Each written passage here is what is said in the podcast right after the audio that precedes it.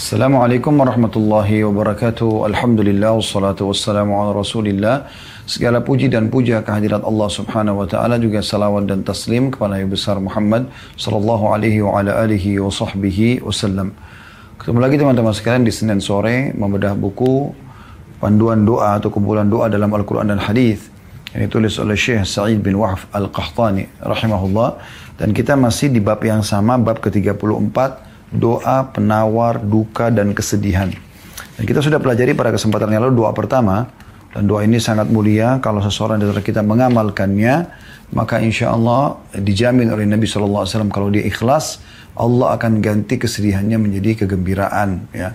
Kesulitannya akan menjadi kelapangan. Dan doanya adalah saya ingatkan kembali Allahumma inni abduka. Ya Allah sungguhnya aku adalah hambamu. Wabni abdika dan anak dari hamba laki-laki maksudnya ayahku wabni amatika dan anak dari hamba perempuan maksudnya ibuku nasiyati biyadik ya. Ubun-ubunku ada di tanganmu madin fiya hukmuk berjalan ya berlaku hukummu kepadaku adlun fiya qada'uk dan keputusanmu selalu adil padaku. As'aluka bikulli ismin huwalak aku memohon ya kepadamu dengan setiap nama milikmu samaita bihi nafsak engkau menamakan pada dirimu sendiri au anzaltahu fi kitabik atau engkau menurunkan dalam kitab sucimu au 'allamtahu ahada min khalqik atau engkau mengajarkan salah dari hamba-hambamu au ista'tharta bihi fi ilmi al-ghaibi 'indak atau engkau menyimpannya ya di sisimu ya di, engkau khususkan untuk dirimu dalam ilmu gaib yang ada di sisimu. Antaj'al qur'ana karima antaj'al qur'ana rabi'a qalbi agar engkau menjadikan Quran sebagai ya, penghibur hatiku ya atau penentram hatiku wa nura sadri dan cahaya dadaku wa jila huzni dan hilangnya kesedihanku wa dhahaba hammi dan juga hilangnya atau penghilang dukaku. Dan ini sudah kita jelaskan panjang lebar satu persatu isi daripada doa ini. Semoga kita bisa amalkan insya Allah. Sekarang kita masuk doa yang kedua masih di bab yang sama dan di bab ini hanya ada dua doa. Doa yang pendek tetapi doa ini luar biasa gitu dia uh, padatnya ya. Saya akan bacakan doanya di halaman 116 bagi teman-teman yang pegang bukunya yang berbunyi Allahumma inni a'udzubika minal hammi wal hazan. Ya Allah aku berlindung kepadamu dari duka dan kesedihan. Wal ajzi wal kasal dari sifat lemah dan malas. Wal bukhli wal jubun dan kebakilan, pelit juga sifat pengecut, wa dala'id wa galabatir rijal dan terlilit utang juga penindasan orang-orang.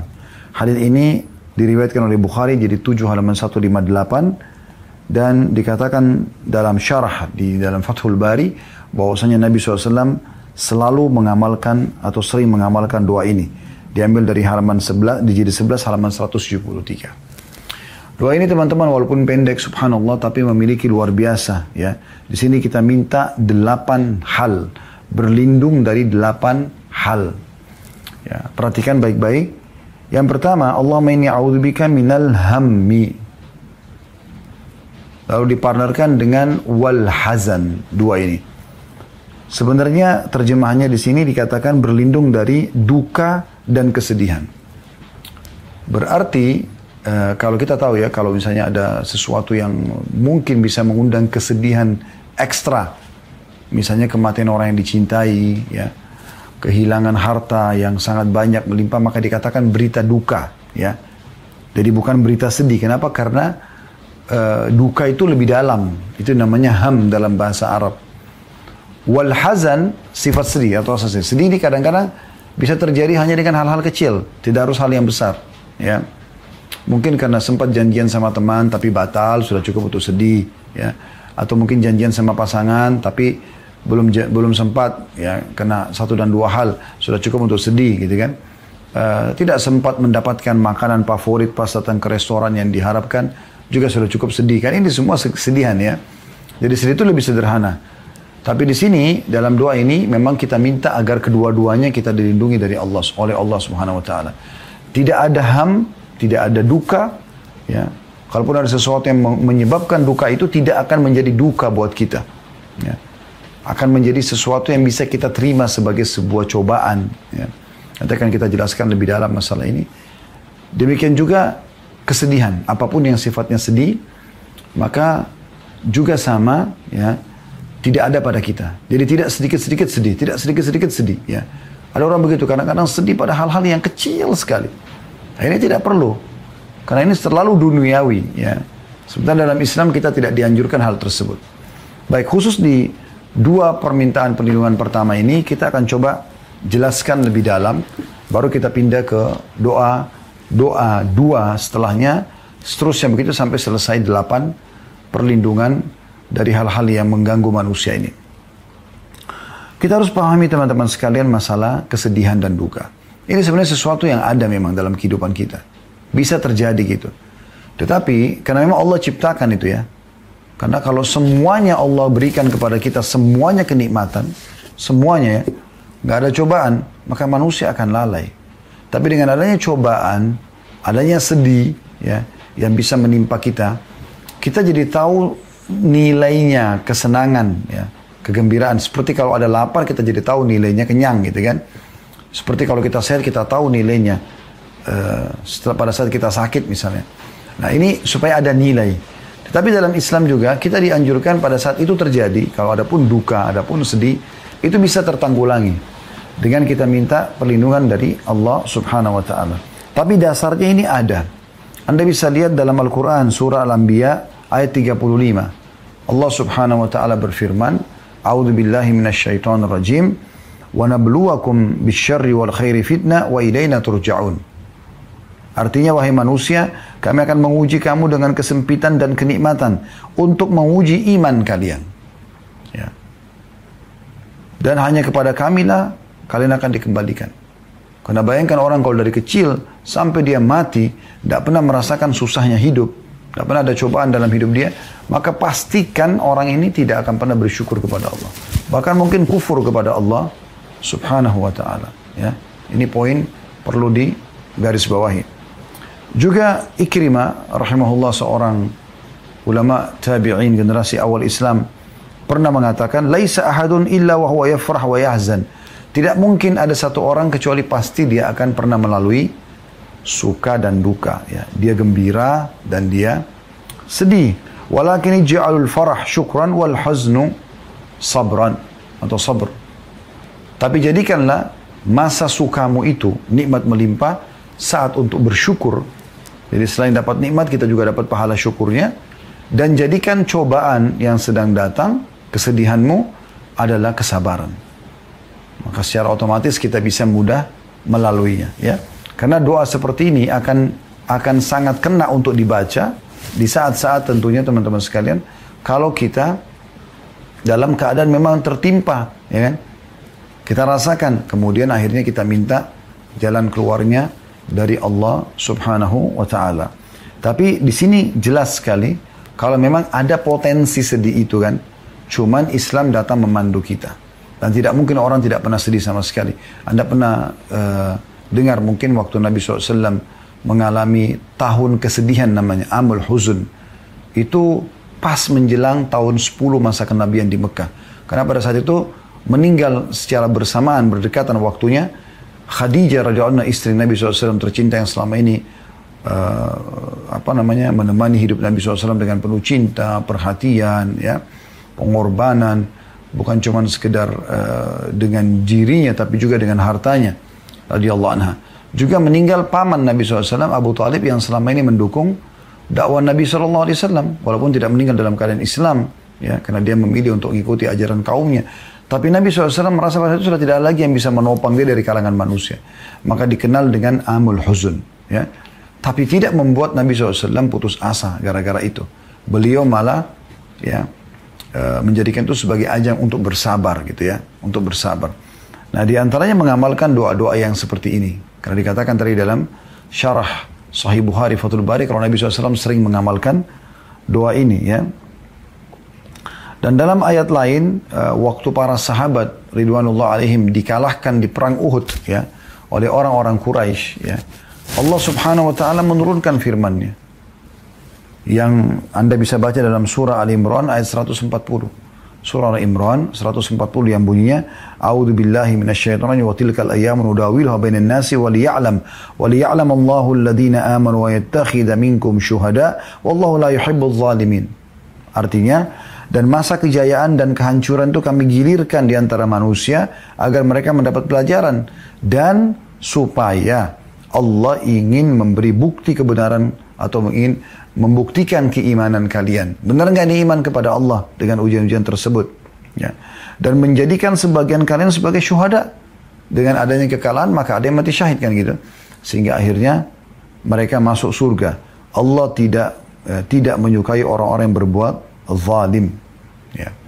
Anda juga pernah dengar mungkin kisah Nabi Yusuf, eh, Nabi Yakub alaihissalam pada saat Nabi Yusuf hilang dalam surah Yusuf digambarkan. Beliau sedih karena kehilangan anak kesayangannya gitu kan.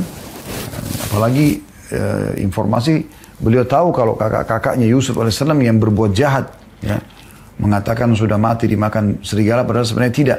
Maka pada saat itu beliau mengatakan dalam Al-Quran dikekalkan surah Yusuf ayat 86, A'udhu billahi minasyaitan rajim innama ashku bathi wa huzni ilallah. Sesungguhnya aku mengeluhkan penderitaanku dan kesedihanku kepada Allah. Ya, berarti ada itu ya. Dan dalam surah An-Najm ayat 43 juga Allah SWT mengatakan wa annahu huwa adhaka wa abka dan Allah lah yang telah menjadikan seseorang tertawa dan juga menangis ya. Menangis. Jadi memang ada potensi itu. Cuma memang Islam datang mengajarkan dan memberikan kita solusi pada saat kesedihan itu terlintas dalam kehidupan kita atau duka itu ada. Gitu kan? Jadi kita mudah melaluinya. Dengan kita menjadikannya seperti perkataan Ikrimah tadi rahimahullah, kita jadikan nikmat itu sebagai ajang untuk bersyukur dan cobaan sebagai ajang untuk bersabar. Juga bagaimana ya kita membaca dan mengamalkan isi doa ini dengan berharap pada saat duka datang kita bisa segera melaluinya, pada saat kesedihan datang juga kita bisa menepisnya ya. Seperti itu kurang lebih gambarannya. Kemudian teman-teman sekalian, uh, masuk kepada potongan yang ketiga dan keempat ya, yang kita berlindung yaitu wal ajzi wal kasal ya dan kata-kata ajzi ini saya tadi sudah datangkan sebuah catatan yang perlu saya bacakan kepada anda tentang masalah ini dan di mana makna dengan ajz adalah kelemahan kelemahan dan Islam melarang pengikutnya untuk lemah melarang sekali tidak boleh sama sekali kita lemah. Lemah itu dalam arti kata gini, belum mencoba sudah mengatakan saya nggak mampu, itu masuk lemah. Atau sudah mencoba baru gagal sekali, sudah langsung mengatakan saya nggak bisa. Itu lemah namanya. Bahasa lain juga bisa putus asa. Kita nggak boleh sama sekali.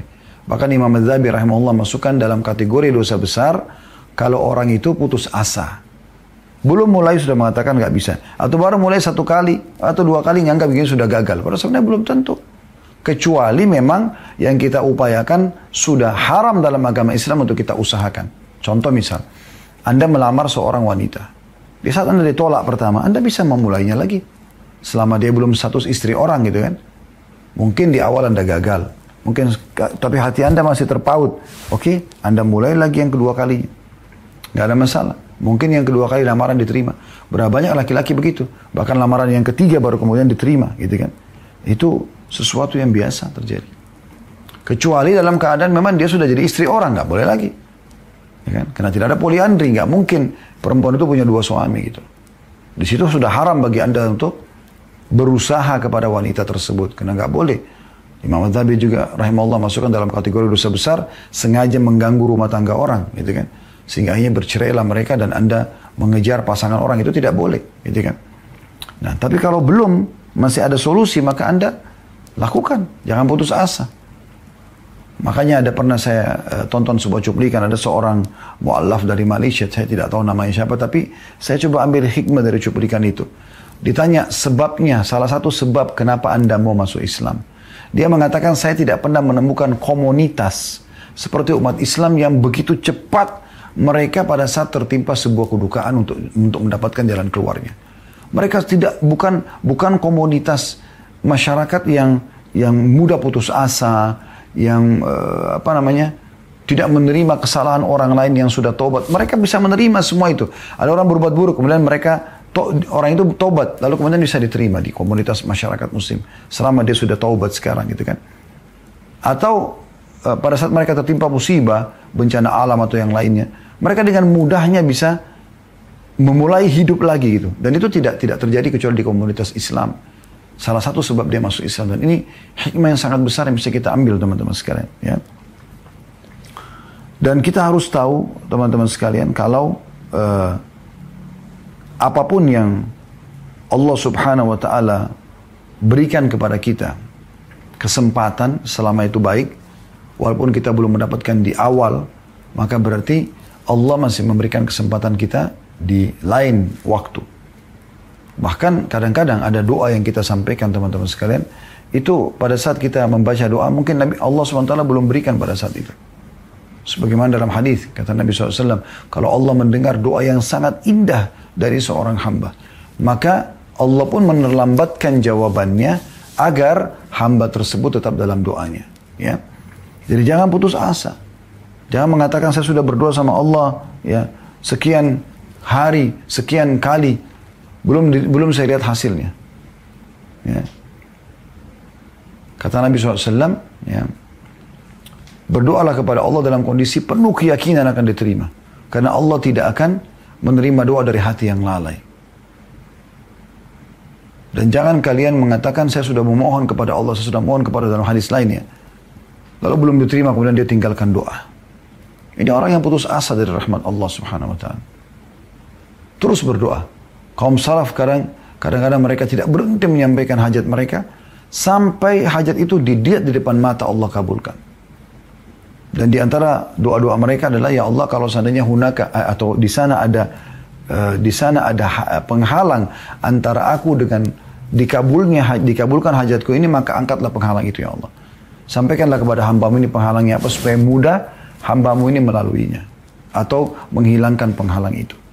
Ya. Itu kelemahan. Kemudian kasal. Ini yang keempat. Ya, tiga sama empat ya. Malas teman-teman sekalian. Nah, sifat malas ini juga bagian dari hal yang buruk ya. Kalau seandainya dibiarkan. Ini adalah bagian hal yang buruk kalau seandainya dibiarkan. Karena ini dilarang dalam agama Islam. Dilarang sekali. Nabi SAW berdoa dalam kitab ini untuk supaya ya atau dalam doa ini untuk selalu melindung dari sifat malas. Bukan sifat orang beriman tuh. Kita ini selalu motorik pengikut kaum muslimin, eh, pengikut agama islamin dan pengikut Nabi Muhammad SAW adalah kaum yang motorik, yang terus bergerak, terus inovatif. Ya. Ini sebenarnya semua ini kalau kita gabungkan ya adalah hal-hal yang negatif yang membuat banyak orang jadi putus asa, hanya sampai pada tingkat bunuh diri, ya, kecil hati, kecil diri, yang merasa dirinya tidak mampu. Ini semua karena itu. Makanya di sini digabungkan semua kita berlindung. Jadi walaupun kita lagi tidak sedih, ya, walaupun kita lagi tidak lemah, Walaupun kita tidak pelit, tetap kita dianjurkan baca doa ini. Supaya jangan satu waktu kita terjerumus. Sifat malas ini teman-teman sekalian adalah hal yang tercelah dalam agama Islam. Ya. Sampai uh, baginda Nabi Shallallahu Alaihi Wasallam berdoa selain daripada selain dari doa ini juga selain daripada berdoa beliau juga Shallallahu Alaihi Wasallam mencontohkan tentang rajin itu.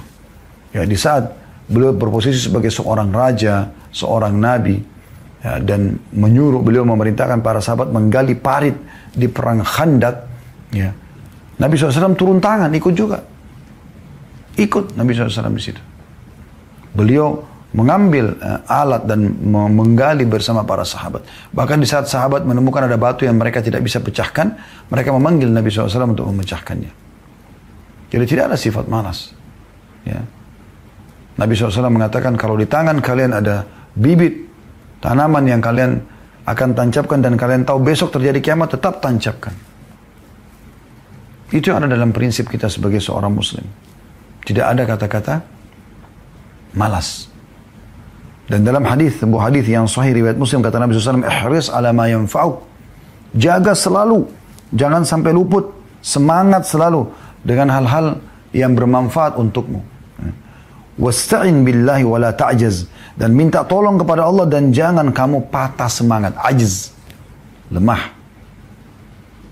Selalu kita disuruh untuk seperti itu. ya, supaya kita semangat. Imam Nawawi rahimahullah mengatakan, bersemangatlah dalam melakukan ketaatan pada Allah. Selalulah berharap pada Allah dan carilah dengan meminta tolong kepadanya. Jangan patah semangat, yaitu jangan malas dalam melakukan ketaatan dan jangan lemah dari mencari pertolongan. Diambil daripada syarih, syarah, syarah sahih muslim, jadi 16 halaman 194. Hmm. Jadi kita nggak boleh sama sekali malas. Dan ini harus terjadi pada hal seluruh hal ya. Puncaknya adalah ibadah, tidak boleh malas ibadah kepada Allah SWT dan harus kita paksakan dalam ibadah itu supaya kita lawan sifat malas ini. Ya. Kemudian dalam keseharian. Bergerak. Nabi SAW kalau di rumah, beliau walaupun istrinya bisa melayani, tapi tidak semua beliau biarkan istrinya melayani. Bahkan kata Aisyah, kadang-kadang Nabi SAW juga menjahit sendiri sendalnya yang putus. Supaya terhindar dari sifat malas ini. Karena ini sangat tercelah. Islam adalah agama yang bergerak. Sholat berjamaah pergi ke masjid, cari nafkah, ngantar jenazah. Gak ada malas. Bahkan menyia-nyiakan waktu dalam Islam dihitung satu hal yang tercelah. Yaitu duduk, nonton, buang-buang waktu, ya. Itu dianggap malas. Kemudian kita pindah ke doa yang kelima atau perlindungan yang kelima dan keenam wal bukhl wal jubun ya bukhl ini adalah sifat pelit dan ini teman-teman sekalian satu hal yang sangat buruk pernah di zaman Nabi SAW ada uh, seorang diangkat jadi kepala suku dari Ansar uh, walaupun memang orang ini punya kelebihan fisik orangnya tampan orangnya putih fisiknya kuat kelihatan gitu kan. Waktu dia dinobatkan jadi kepala suku, beberapa anggota su sukunya datang ke masjid Nabi SAW. Dan Nabi SAW tanya, siapa kepala suku kalian sekarang? Disebutlah namanya Fulan bin Fulan. Kata Nabi SAW, bagaimana orangnya? Bagaimana orangnya? Kata mereka, tampan, berwibawa, pintar, cerdas, tapi pelit ya Rasulullah. Maka apa kata Nabi SAW? Kira-kira penyakit jiwa apa yang lebih buruk daripada pelit? Kapan seseorang sudah perhitungan, apalagi kalau sudah di jalan Allah subhanahu wa ta'ala, maka ini penyakit. Ini penyakit. Imam Adzabi rahimahullah masukkan dalam buku Al-Kabair, dosa-dosa besar beliau, salah satunya adalah pelit. Syekh Muhammad Munajjid juga masukkan itu. Syekh Muhammad bin Muhammad bin uh, uh, Muhammad bin Abu Wahab juga ya. At-Tamimi juga sama. Dalam buku-buku dosa-dosa besar mereka masukkan pelit itu bagian daripada dosa besar, bukan cuma sekedar dosa. Ada orang subhanallah buat dirinya pun pelit. Tentu kita harus berada di antara jangan pelit, jangan juga boros ya. Tetapi intinya kita disuruh menikmati tapi tidak mubazir. Kalau ada orang yang justru pelit sampai tidak mau sama sekali mengeluarkan uang gitu kan. Semuanya serba ditabung, semuanya serba disimpan. Ini penyakit jiwa. Di sini kita berlindung dari sifat pelit itu. Dan dalam sebuah hadis kata Nabi SAW, "Mathalul bakhili wal mutasaddiq kamathalil rajulaini alaihima jubbatan min hadidin qad utturrat aydihima ila tarakihima فجعل المتصدق كلما هم بصدقة اتسعت وانبسطت وانبسطت عنه حتى تغشى أنامله. و تعفو أثره وجعل البخيل كلما هم بصدقة قلصت وأخذت كل حلقة بمكانها. وأنا رأيت رسول الله صلى الله عليه وسلم يقول بإصبعه في جيبه فلو رأيتها يوسعها فلا تتسع Artinya, perumpamaan orang bakhil, orang yang pelit sekali bersedekah. Tidak mau mengeluarkan di jalan Allah. Dengan mutasaddik orang yang dermawan, suka bersedekah. Seperti dua orang yang masing-masing mengenakan baju jubah terbuat dari besi yang terpotong bagian lengannya hingga tulang selangka keduanya kelihatan. Setiap kali mutasaddik atau orang yang dermawan ini hendak bersedekah, maka bajunya akan longgar dan akhirnya menutupi ujung kakinya dan bekas jalannya. Jika orang bakhil pelit ingin berinfak, baju besinya mengerut dan setiap baju besi tetap di tempatnya tidak melebar. Maka Abu Hurairah mengatakan aku mendengarkan Rasulullah SAW bersabda atau meletakkan sambil meletakkan jari-jarinya di sakunya, beliau mengatakan kalau engkau melihat orang bakhil melonggarkannya, niscaya sakunya tidak akan menjadi longgar. Ini yang dimaksud adalah orang bakhil itu tidak akan ada manfaatnya. Buat dirinya tidak ada manfaat, buat orang lain juga tidak ada manfaat. Plus lagi dia berdosa dan tidak mendapatkan pahala. Sudah berdosa, plus tidak dapat pahala karena dia tidak ada pilihan. Dia bersedekah, dermawan atau dia pelit. ya. Nah kalau dia bersedekah dia dapat pahala. Dia juga dilapangkan rezekinya. Ya. Kita sudah pernah jelaskan masalah keajaiban bersedekah. Tapi orang bakhil tidak akan lakukan itu. Dan ini sudah pernah saya tepat titik beratkan teman-teman sekalian. Jangan pernah didik anak-anak kita terbiasa pelit. Bermula dari membelikan celengan. Berhentikan memberikan celengan. Tidak usah nabung. Ya. Tidak perlu nabung. Yang benar sedekahkan. Yang benar sedekahkan. Kecuali kebutuhan mendesak memang kita harus keluarkan dalam waktu dekat. Seorang wanita diberikan nafkah oleh suaminya untuk satu bulan. Ya udah dia taruh untuk dia keluarkan bertahap itu lain. Ya seorang anak diberikan oleh orang tuanya untuk biaya bulanan dia, dia keluarkan itu tidak ada masalah. itu boleh dia keluarkan bertahap gitu. Ya. Tetapi ada orang subhanallah tidak seperti itu, bukan di bukan di bab ini gitu.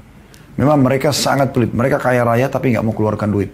Selalu perhitungan, bahkan untuk dirinya sendiri, untuk memberikan orang lain. Ya. Pelit. Mungkin dalam hidup selama hidupnya tidak pernah mengeluarkan uang ya, 100 ribu atau 1 juta atau 10 juta atau 100 juta. Sementara kita dianjurkan oleh para ulama kalau kita ingin melatih diri kita agar bersifat dermawan seperti sifat Nabi SAW dan sifat dicintai oleh Allah dan kita jauh dari sifat pelit adalah kita harus berusaha bersedekah setiap saat kita tingkatkan jenis jumlah sedekah kita. Jenisnya dan juga jumlahnya. Kalau misalnya Anda sudah selama ini rutin sedekah 100 ribu, coba Anda pindah ke 1 juta. Satu juta sudah. Coba ke 10 juta. Coba ke 100 juta. Dan yakinlah teman-teman sekalian. Kata Nabi SAW, Mana kasamaru min sadaqah. Tidak akan berkurang harta seorang hamba karena sedekah. Tapi bertambah. Resep untuk kaya sedekah. Daripada anda belikan celengan buat anak-anak anda. Anda mengatakan tabung ya nak. Maka pastikan teman-teman akan muncul sifat pelit yang merupakan dosa besar ini. Saya pernah lihat begitu di kondisi anak-anak di rumah, di rumah kami. Saya tidak pernah setuju dengan ini, tapi pernah istri saya memberikan celengan gitu. Sudah saya tegur, Alhamdulillah, dan mudah-mudahan sudah tidak akan tidak akan ada lagi di rumah gitu ya. Maka anak-anak ini akhirnya keliling, minta ke saya uang, minta ke umiknya uang ya. Bahkan sampai minta kepada PRT di rumah minta uang untuk nabung. Dan kalau kakaknya atau adiknya sentuh celengan, si kakak sentuh celengan adik atau adik sentuh celengan kakak, itu pasti marah. Bahkan kalau diangkat saja celengannya oleh orang tua, oleh orang tua yang ditaruh satu tempat, maka dia bisa ngamuk, marah-marah, kenapa celengannya nggak ada depan matanya. Coba bayangkan, terlahir nggak sifat pelit? Kenapa anda nggak pada saat kasih uang jajan sekolah anak anda di saat nanti sudah offline insya Allah misalnya. Terus sekarang sudah mulai offline, anda kasih. Anda mengatakan, nak ini buat jajan ya. Nanti cari teman kamu, traktir mereka. Terutama yang tidak mampu. Tidak usah bilang nanti sisanya tabung ya. Enggak. Biarkan mereka terbiasa dermawan. Orang-orang yang bergerak di yayasan-yayasan sosial, itu karena dari kecil dibiasakan oleh orang tua mereka. Saya tahu ada satu orang, subhanallah, semoga Allah catat sebagai pahala buat mereka, tidak usah disebutkan namanya gitu. Dia setiap Sabtu dan Ahad itu keluar sama istri sama anaknya. Dia sudah niatkan setiap pekan dia sedekah, dan dia taruh di mobilnya bungkusan-bungkusan sembako dan yang lain-lainnya, pakaian segala macam gitu. Yang dia mampu, dia ajak anak-anaknya. Anaknya ada dua atau tiga, ikut sama dia. Kemudian mereka jalan. Dan dia bilang sama saya, saya saya jalan Ustaz, saya tidak. Saya tidak perlu tahu saya ke mana gitu. Pokoknya saya jalan aja gitu. Misalnya kami masuk ke tol Cikampek, nanti kalau ada uh, akses atau kami lewat pintu akses keluar kami keluar. Kami lihat ada jalan masuk karena kami kami masuk ke jalan. Di situ yang kami juga sendiri tidak tahu gitu. Pokoknya kami masuk. Begitu kami temukan orang susah, kami langsung ngobrol sama dia. Permasalahannya apa kemudian kami kasih bantuan. Dan kami biarkan anak-anak kami yang memberikan kepada orang-orang susah ini. Akhirnya itu menjadi sebuah program rutin keluarga. Coba Anda bayangkan. Pernah nggak Anda berpikir seperti ini? Berbagi. Bahkan sifat pelit ini sudah ditanamkan oleh syaitan dari mereka masih kecil. Saya pernah lihat depan mata saya anak-anak dan saya tegur itu di rumah kami gitu. Jadi kalau sudah dikasih makanan masing-masing di piring gitu. kayaknya sudah sulit sekali untuk dia bisa berbagi kepada saudaranya di sebelah. Maka ini kita sebagai orang tua harus peka. Bagaimana kita didik mereka agar tidak terbiasa dengan hal seperti ini. Ya. Jadi kadang-kadang saya suruh si kakak bagi kepada adik. Atau kita buatin program, hari ini siapa yang bersedekah? Nah, kalau dia sudah berbagi, nanti kita yang memberikan sebagai orang tua penggantinya gitu. Itu bagus dan biasakan biasakan mereka lihat di pinggir jalan dekat orang miskin Anda bersedekah gitu. Anak-anak kadang-kadang ingatkan saya kalau di mobil. Abati itu orang susah di sebelah. Saya pernah bahkan ditegur karena kami lewatin satu orang susah gitu. Biasanya saya mampir buka jendela kasihlah yang Allah mudahkan. Loh kok abati lewatin? Abati itu maksudnya ayah sayang ya. Saya anak-anak saya saya biasakan panggil saya abati gitu. Kok abati lewatin tuh orang susah? Anak saya umur 3 4 tahun ngomong gitu gitu. Alhamdulillah berarti kan minimal sudah tertanam dalam diri mereka, oh orang susah harus dibantu. Dan sangat banyak orang tua tidak pernah tanamkan ini. Saya pernah memberikan mereka uh, permen, coklat, snack-snack. Kemudian saya suruh bungkus sama-sama. Mereka sudah sangat gembira, semangat bungkus di rumah gitu. Setelah bungkus saya bilang sekarang, uh, Abati mau masing-masing bersedekah. Berikan siapa orang di rumah ya yang dipilih. Karena ada banyak orang di rumah uh, dari keluarga kami, dari PRT juga ada, dari driver juga ada. Jadi coba mau kasih kakak. Pertama mengatakan saya mau kasih si fulan, baik. Yang kedua saya tanya kasih si fulan, kasih. Biarkan mereka, lalu mereka pergi. Pada saat mereka sudah memberi, mereka kembali dengan semangat, wajahnya cerah, ceria gitu mengatakan, apa itu sudah Aku sudah sedekah. Oh, Masya Allah, bagus. Setelah itu, saya sendiri pribadi menyiapkan lagi buat mereka sebagai gantinya. Nah, ini karena kalian sedekah, ini Allah gantikan ya. Ya, jadi coba latih itu. Itu yang dianjurkan dalam Islam. Ajarkan mereka dermawan, bukan pelit. Bukan pelit. Dan ini bahaya nih. Kadang-kadang pelit sama diri, pelit juga sama orang lain. Bahkan pelit di jalan Allah subhanahu wa ta'ala. Mengeluarkan jalan Allah itu luar biasa perhitungannya. Nah ini bahaya. Kemudian wal jubun, ya. Ini yang keenam. Pengecut. Ini luar biasa ini larangannya dalam Islam ini. Gak ada sifat pengecut dalam Islam sampai pernah ada sahabat yang mengatakan dalam riwayat yang sahih ya Rasulullah, kalau seandainya ada orang mau merampas hartaku, apa yang aku lakukan? Kata Nabi SAW, qatilhu. Qatala yuqatil ini artinya perangi. Bunuh dia, lawan dia. Gitu kan? Makna tepatnya sebenarnya lawan dia, gitu kan? Itu lebih tepat. Jangan berikan hartamu kalau dia mau rampas secara paksa, perampok jangan dikasih. Bukan Nabi SAW mengatakan kasihlah demi menyelamatkan jiwamu. Enggak. Lalu apa kata orang tersebut? Ya Rasulullah, kalau saya bunuh dia, dosa nggak? Kata Nabi SAW tidak. Kalau saya terbunuh, kata Nabi SAW, kau mati syahid. Coba bayangkan. Di dalam hadis yang lain kata Nabi SAW, siapa yang terbunuh karena membela hartanya, nama harga harga diri, nama baiknya, keluarganya, maka dia mati syahid. Setelah Nabi SAW tanya, kira-kira menurut kalian kepada para sahabat, uh, siapa yang mati syahid itu? Mereka mengatakan orang yang mati di jalan Allah ya Rasulullah, orang yang berperang mati. Kata Nabi SAW, kalau begitu syuhadanya sedikit, orang yang mati syahid sedikit. Ya. Kemudian baru beliau rincikan orang yang meninggal karena sakit perut, orang kena kena wabah, ya. Mudah-mudahan kayak kita corona ini juga masuk dalamnya. uh, orang yang meninggal karena membela di uh, kehormatannya, keluarganya, hartanya, wanita yang meninggal pada saat lagi uh, melahirkan, semua itu mati syahid. Ya. Jadi tidak ada sifat jubun, ya. jubun ini pengecut ya, dalam Islam ini tidak boleh sama sekali. Kemudian juga teman-teman sekalian masuk setelahnya wadala iddaini jadi kita sudah jelaskan al-hammi wal hazan, kemudian ajzi wal kasal, duka dan sedih, satu dan dua ini. Kemudian yang ketiga dan empat adalah lemah, putus asa, dan malas, ya. Tiga dan empat. Yang kelima dan keenam, bukhul, ya. Pelit. Itu yang kelima. Yang keenamnya adalah jubun, pengecut. Kalau kita masuk yang ketujuh dan kedelapan, yang ketujuh adalah wadala iddain dan terlilit utang. Pernah hadis ini diriwayatkan oleh uh, atau melalui Ibnu Abbas radhiyallahu Beliau pernah ditanya tentang uh, bagaimana caranya supaya saya bisa lunasi utang saya kata seseorang. Utang saya banyak sekali. kata Ibnu Abbas, bacalah doa ini pasti akan dilunasi utang oleh Allah walaupun memenuhi langit. Lalu beliau ajarkan doa ini. Dalam riwayat ini kalau tidak salah, orang itu mengamalkan maka seluruh utangnya lunas. Yang dimaksud dengan dala'iddain, maksudnya dala' itu, dala'iddain itu terlilit utang yang sudah menyusahkan hidup. Nah, di sini perlu kita jelaskan teman-teman sekalian tentang masalah utang ini. Utang itu dalam Islam boleh. Hukum asalnya boleh, tapi dengan syarat. Memang dia bukan orang yang mampu. Dan dia kalau tidak utang, dia nggak bisa hidup. Nah itu.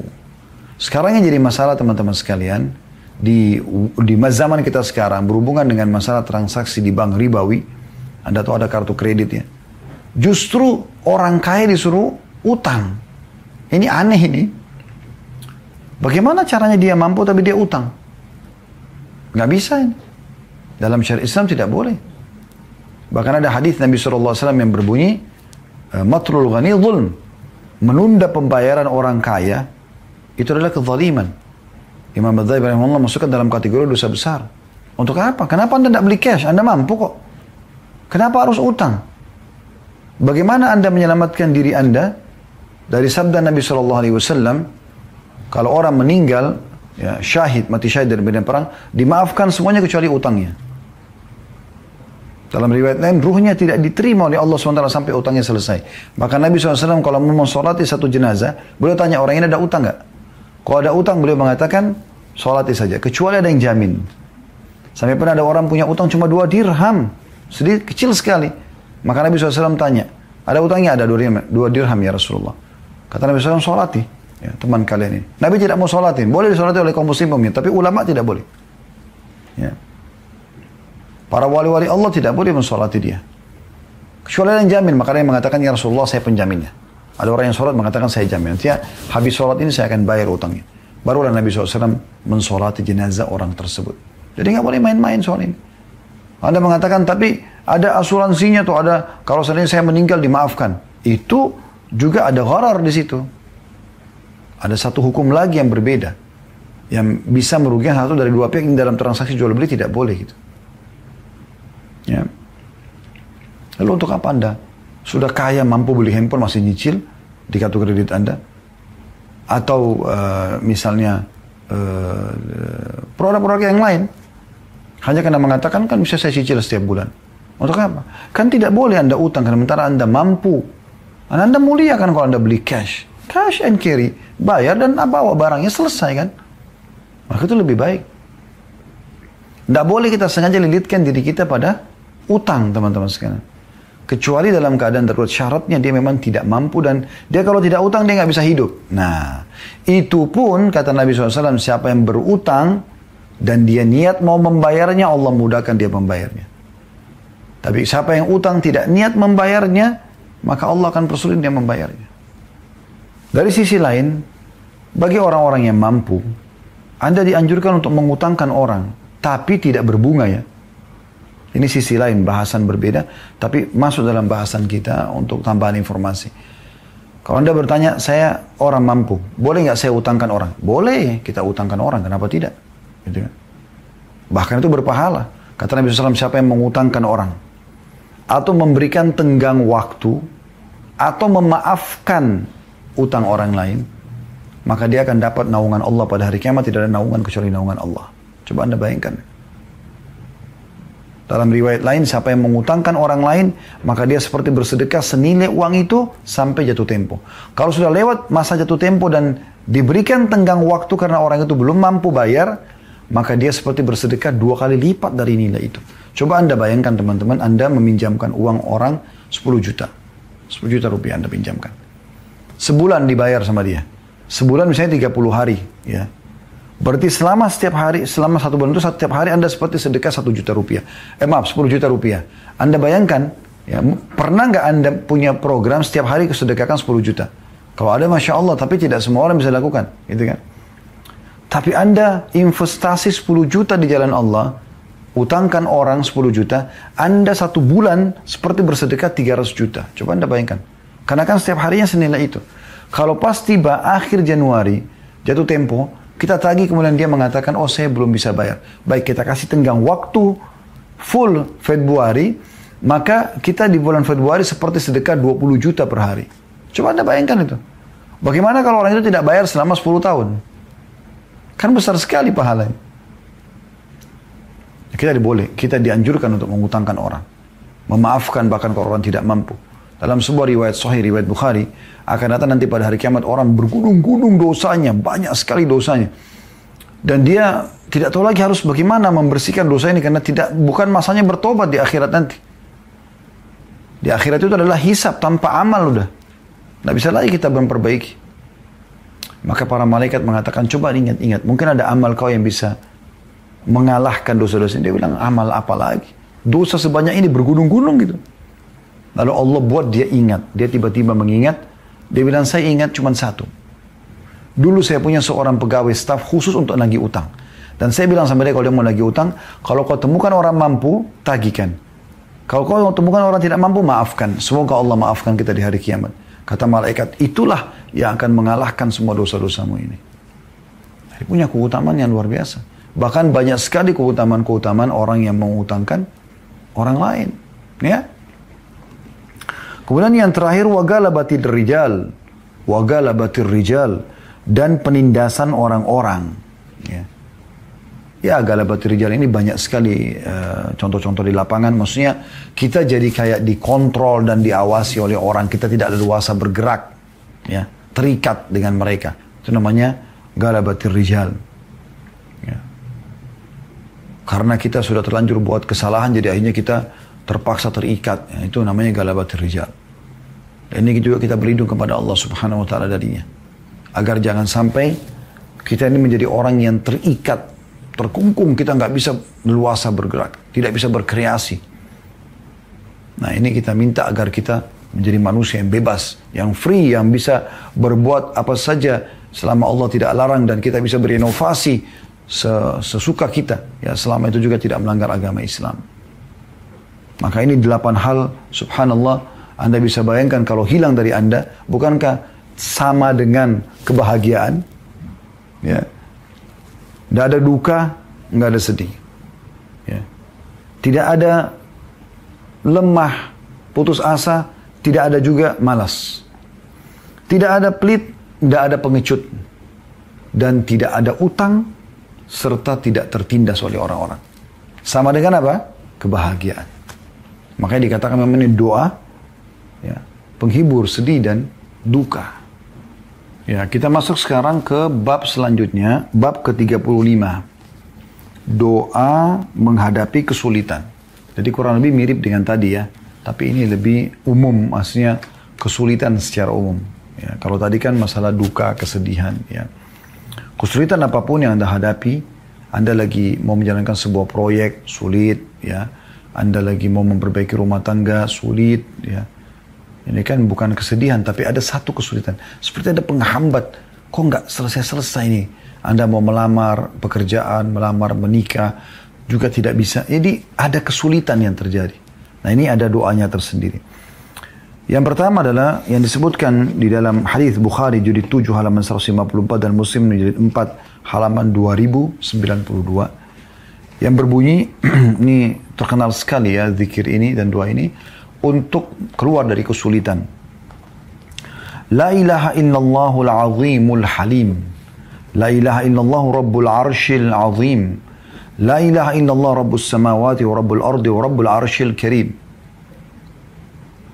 Artinya tidak ada Tuhan yang berhak disembah kecuali Allah yang maha agung lagi maha penyantun.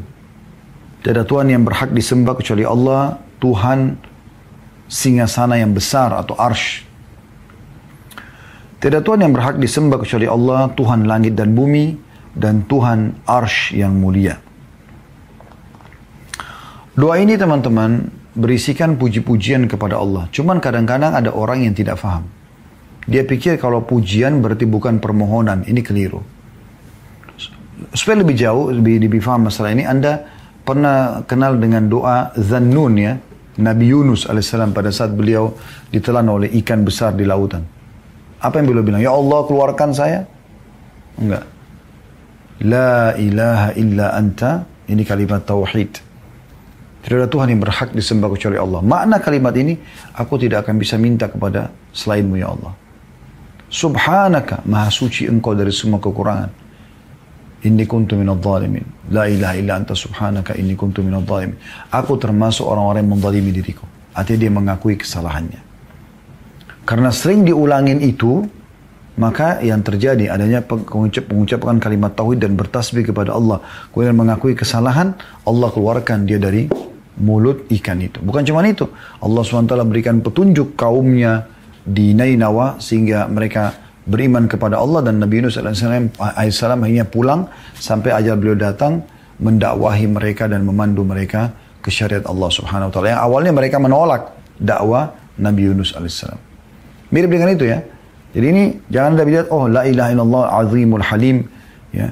Tidak Tuhan yang berhak disembah kecuali Allah.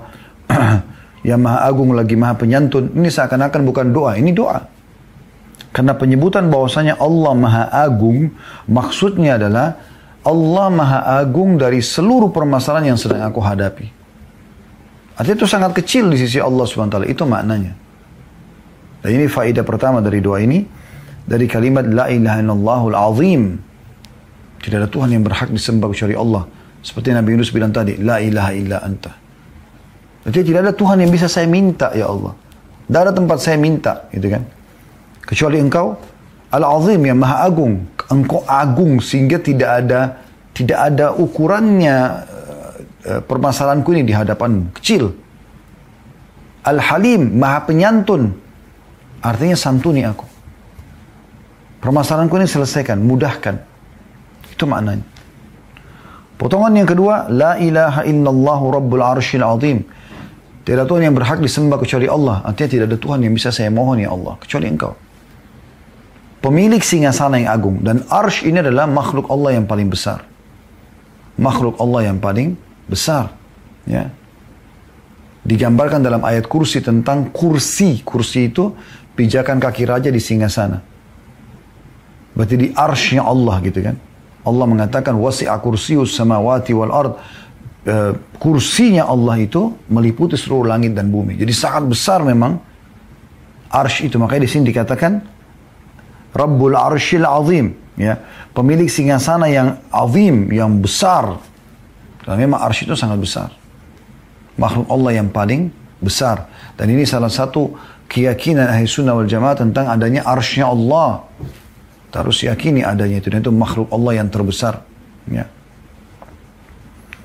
Kemudian potongan yang ketiga yang kita bisa pelajaran. La ilaha illallah rabbus samawati wa rabbul ard. Tiada Tuhan yang berhak disembah kecuali Allah. Maksudnya tidak ada tempat aku memohon ya Allah. Lalu kita ikrarkan Rabbus samawat. Tuhan, pemilik, penguasa, pengatur seluruh langit ini dan seluruh bumi dengan kedalamannya. Dan apa pun yang dikandung oleh bumi tersebut.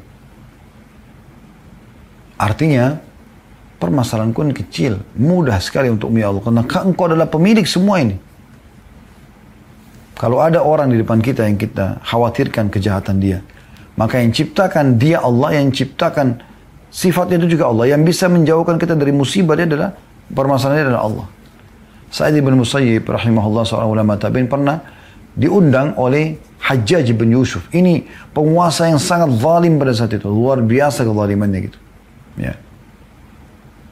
Maka yang terjadi, waktu masuk ke sana, udah disiapin an-noto. An-noto itu seperti kulit hewan dengan safe, pedang.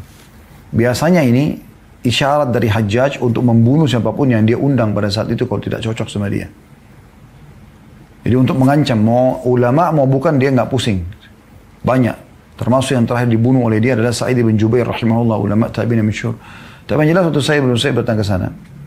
Lalu kemudian dia masuk, dia komat kemitkan mulutnya. mulutnya. Tiba-tiba Hajjaj berubah total. Hajjaj langsung ya mempersilahkan saya bin Saib dulu di dekatnya di singa sananya. Kemudian bertanya banyak hal kepada bin Saib lalu memberikan hadiah bahkan meletakkan sendiri parfum yang sangat mahal pada saat itu di di jenggot Said Musayyib dan di uh, di pakaiannya dan dihadiahkan untuk beliau. Kemudian mempersilahkan untuk pulang. Bukan malah disakiti tapi malah dihormati gitu. Maka ada seseorang bertanya mengatakan, wahai Said, anda waktu masuk ke menuju ke Hajjaj, saya melihat mulut anda komat kampit, apa yang anda bacakan?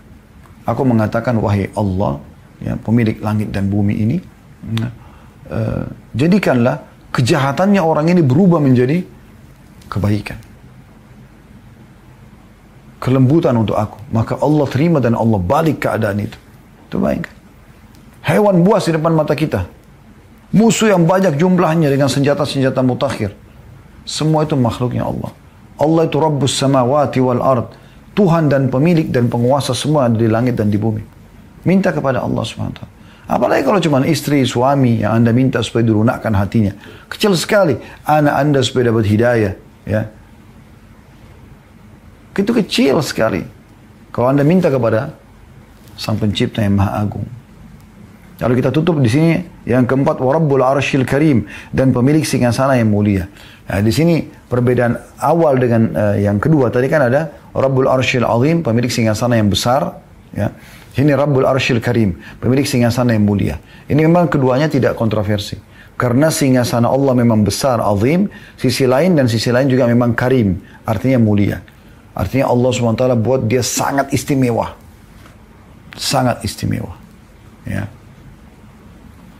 Dan ini memang penuh dengan keindahan-keindahan. Karena ini singgasananya raja.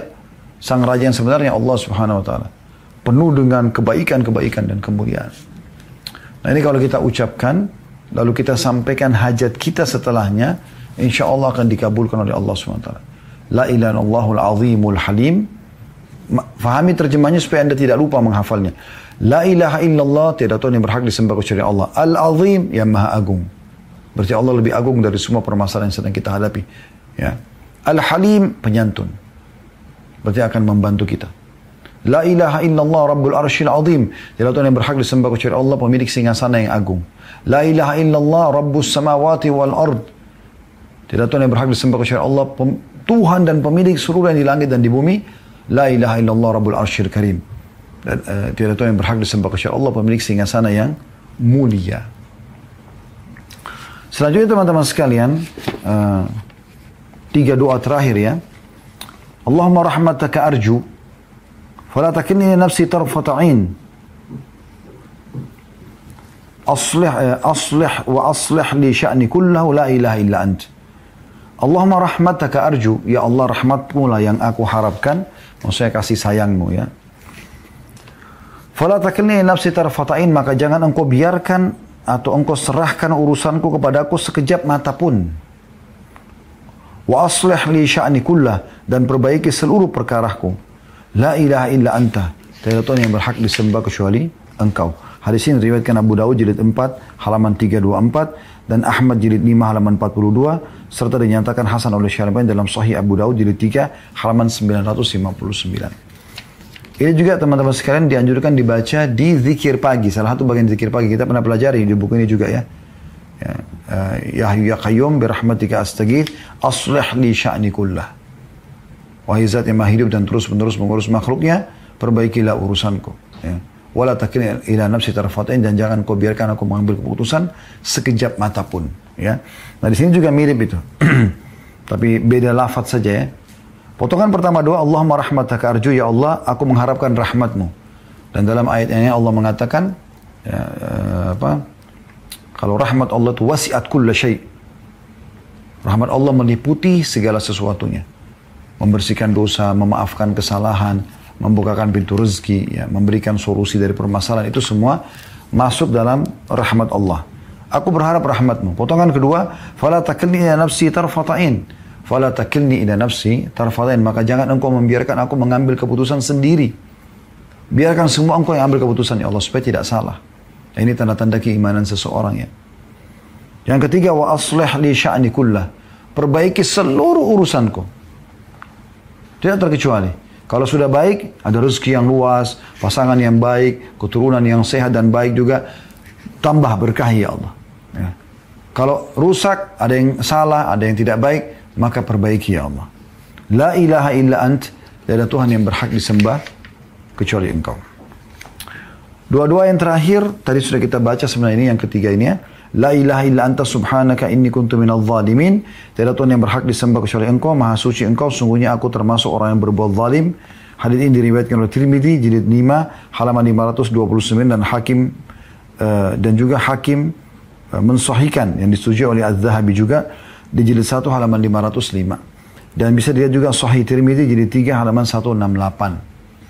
Nah, ini pernah ada kisahnya ya uh, atau ada sebuah riwayat uh, Nabi SAW mengatakan kepada beberapa sahabat bacalah uh, dalam doamu doa Zannun. Doa ini doanya Nabi Yunus alaihissalam maka pasti ya kata Nabi SAW pasti doamu akan diijabah. Pasti doamu akan diijabah. Jadi artinya sebelum anda berdoa anda ikutkan dulu dengan la ilaha illa anta subhanaka inni kuntu minal zalimin. Tidak ada Tuhan yang berhak disembah kecuali engkau. Maksudnya tidak ada tempat aku bergantung dan memohon kecuali kepada engkau. Maka aku termasuk orang-orang zalim. Artinya sebelum kita meminta doa kita sudah mengakui kalau ada kesalahanku penyebab daripada doa ini tidak diterima, maka angkatlah ya Allah. Yang terakhir adalah Allah, Allah Rabbi la usyriku bihi syai'a. Artinya Allah, Allah adalah Tuhanku, aku tidak menyekutukannya dengan sesuatu apa pun. Hadis ini riwayat Abu Daud jadi 2 halaman 87 dan juga disebutkan dalam Sahih Ibnu Majah jadi 2 halaman 335. dan ini teman-teman sekalian adanya penyebutan nama yang paling agung buat Tuhan kita, yaitu Allah. Ya, tidak ada yang mengalahkan ini. Nama ini adalah nama yang paling dicintai oleh Sang Pencipta, makanya disebutkan dalam awal salat kita Allahu Akbar. Ya. Yang paling sebut disebutkan Allah subhanahu wa ta'ala berfirman. Allah azza wa jalla berfirman. Takutlah kepada Allah. Tuhan kita adalah Allah. Gitu kan. Memohonlah hanya kepada Allah. Kul huwallahu ahad. Katakan Allah itu satu. La ilaha illallah. Selalu Allah yang dipakai. Apakah ada sifat Allah yang lain? Ar-Rahman, Ar-Rahim, ya Al-Ghafur, At-Tawwab, Al-Afu. Banyak ya. Tapi Allah ini yang paling agung. Di sini kita ulangi dua kali. Allah, Allah, Rabbi. Rabbi artinya penciptaku, penguasa, pemberi rezekiku. Yang memberikan aku kehidupan, yang mematikan aku. Itu namanya Rabbi. La usyriku bihi syai'an, aku tidak menyekutukannya dengan suatu apa pun. Kata ulama, orang ini, walaupun dia tidak syirik, dia mengucapkan ini. Agar kalau sampai ada sesuatu yang terarah ke syirik, Allah akan tepis dari dia. Dan dari sini juga ada yang pelajaran ternyata syirik itu termasuk sumber permasalahan kesulitan yang banyak muncul dari banyak orang, tapi mereka tidak menyadarinya. Allahu a'lam.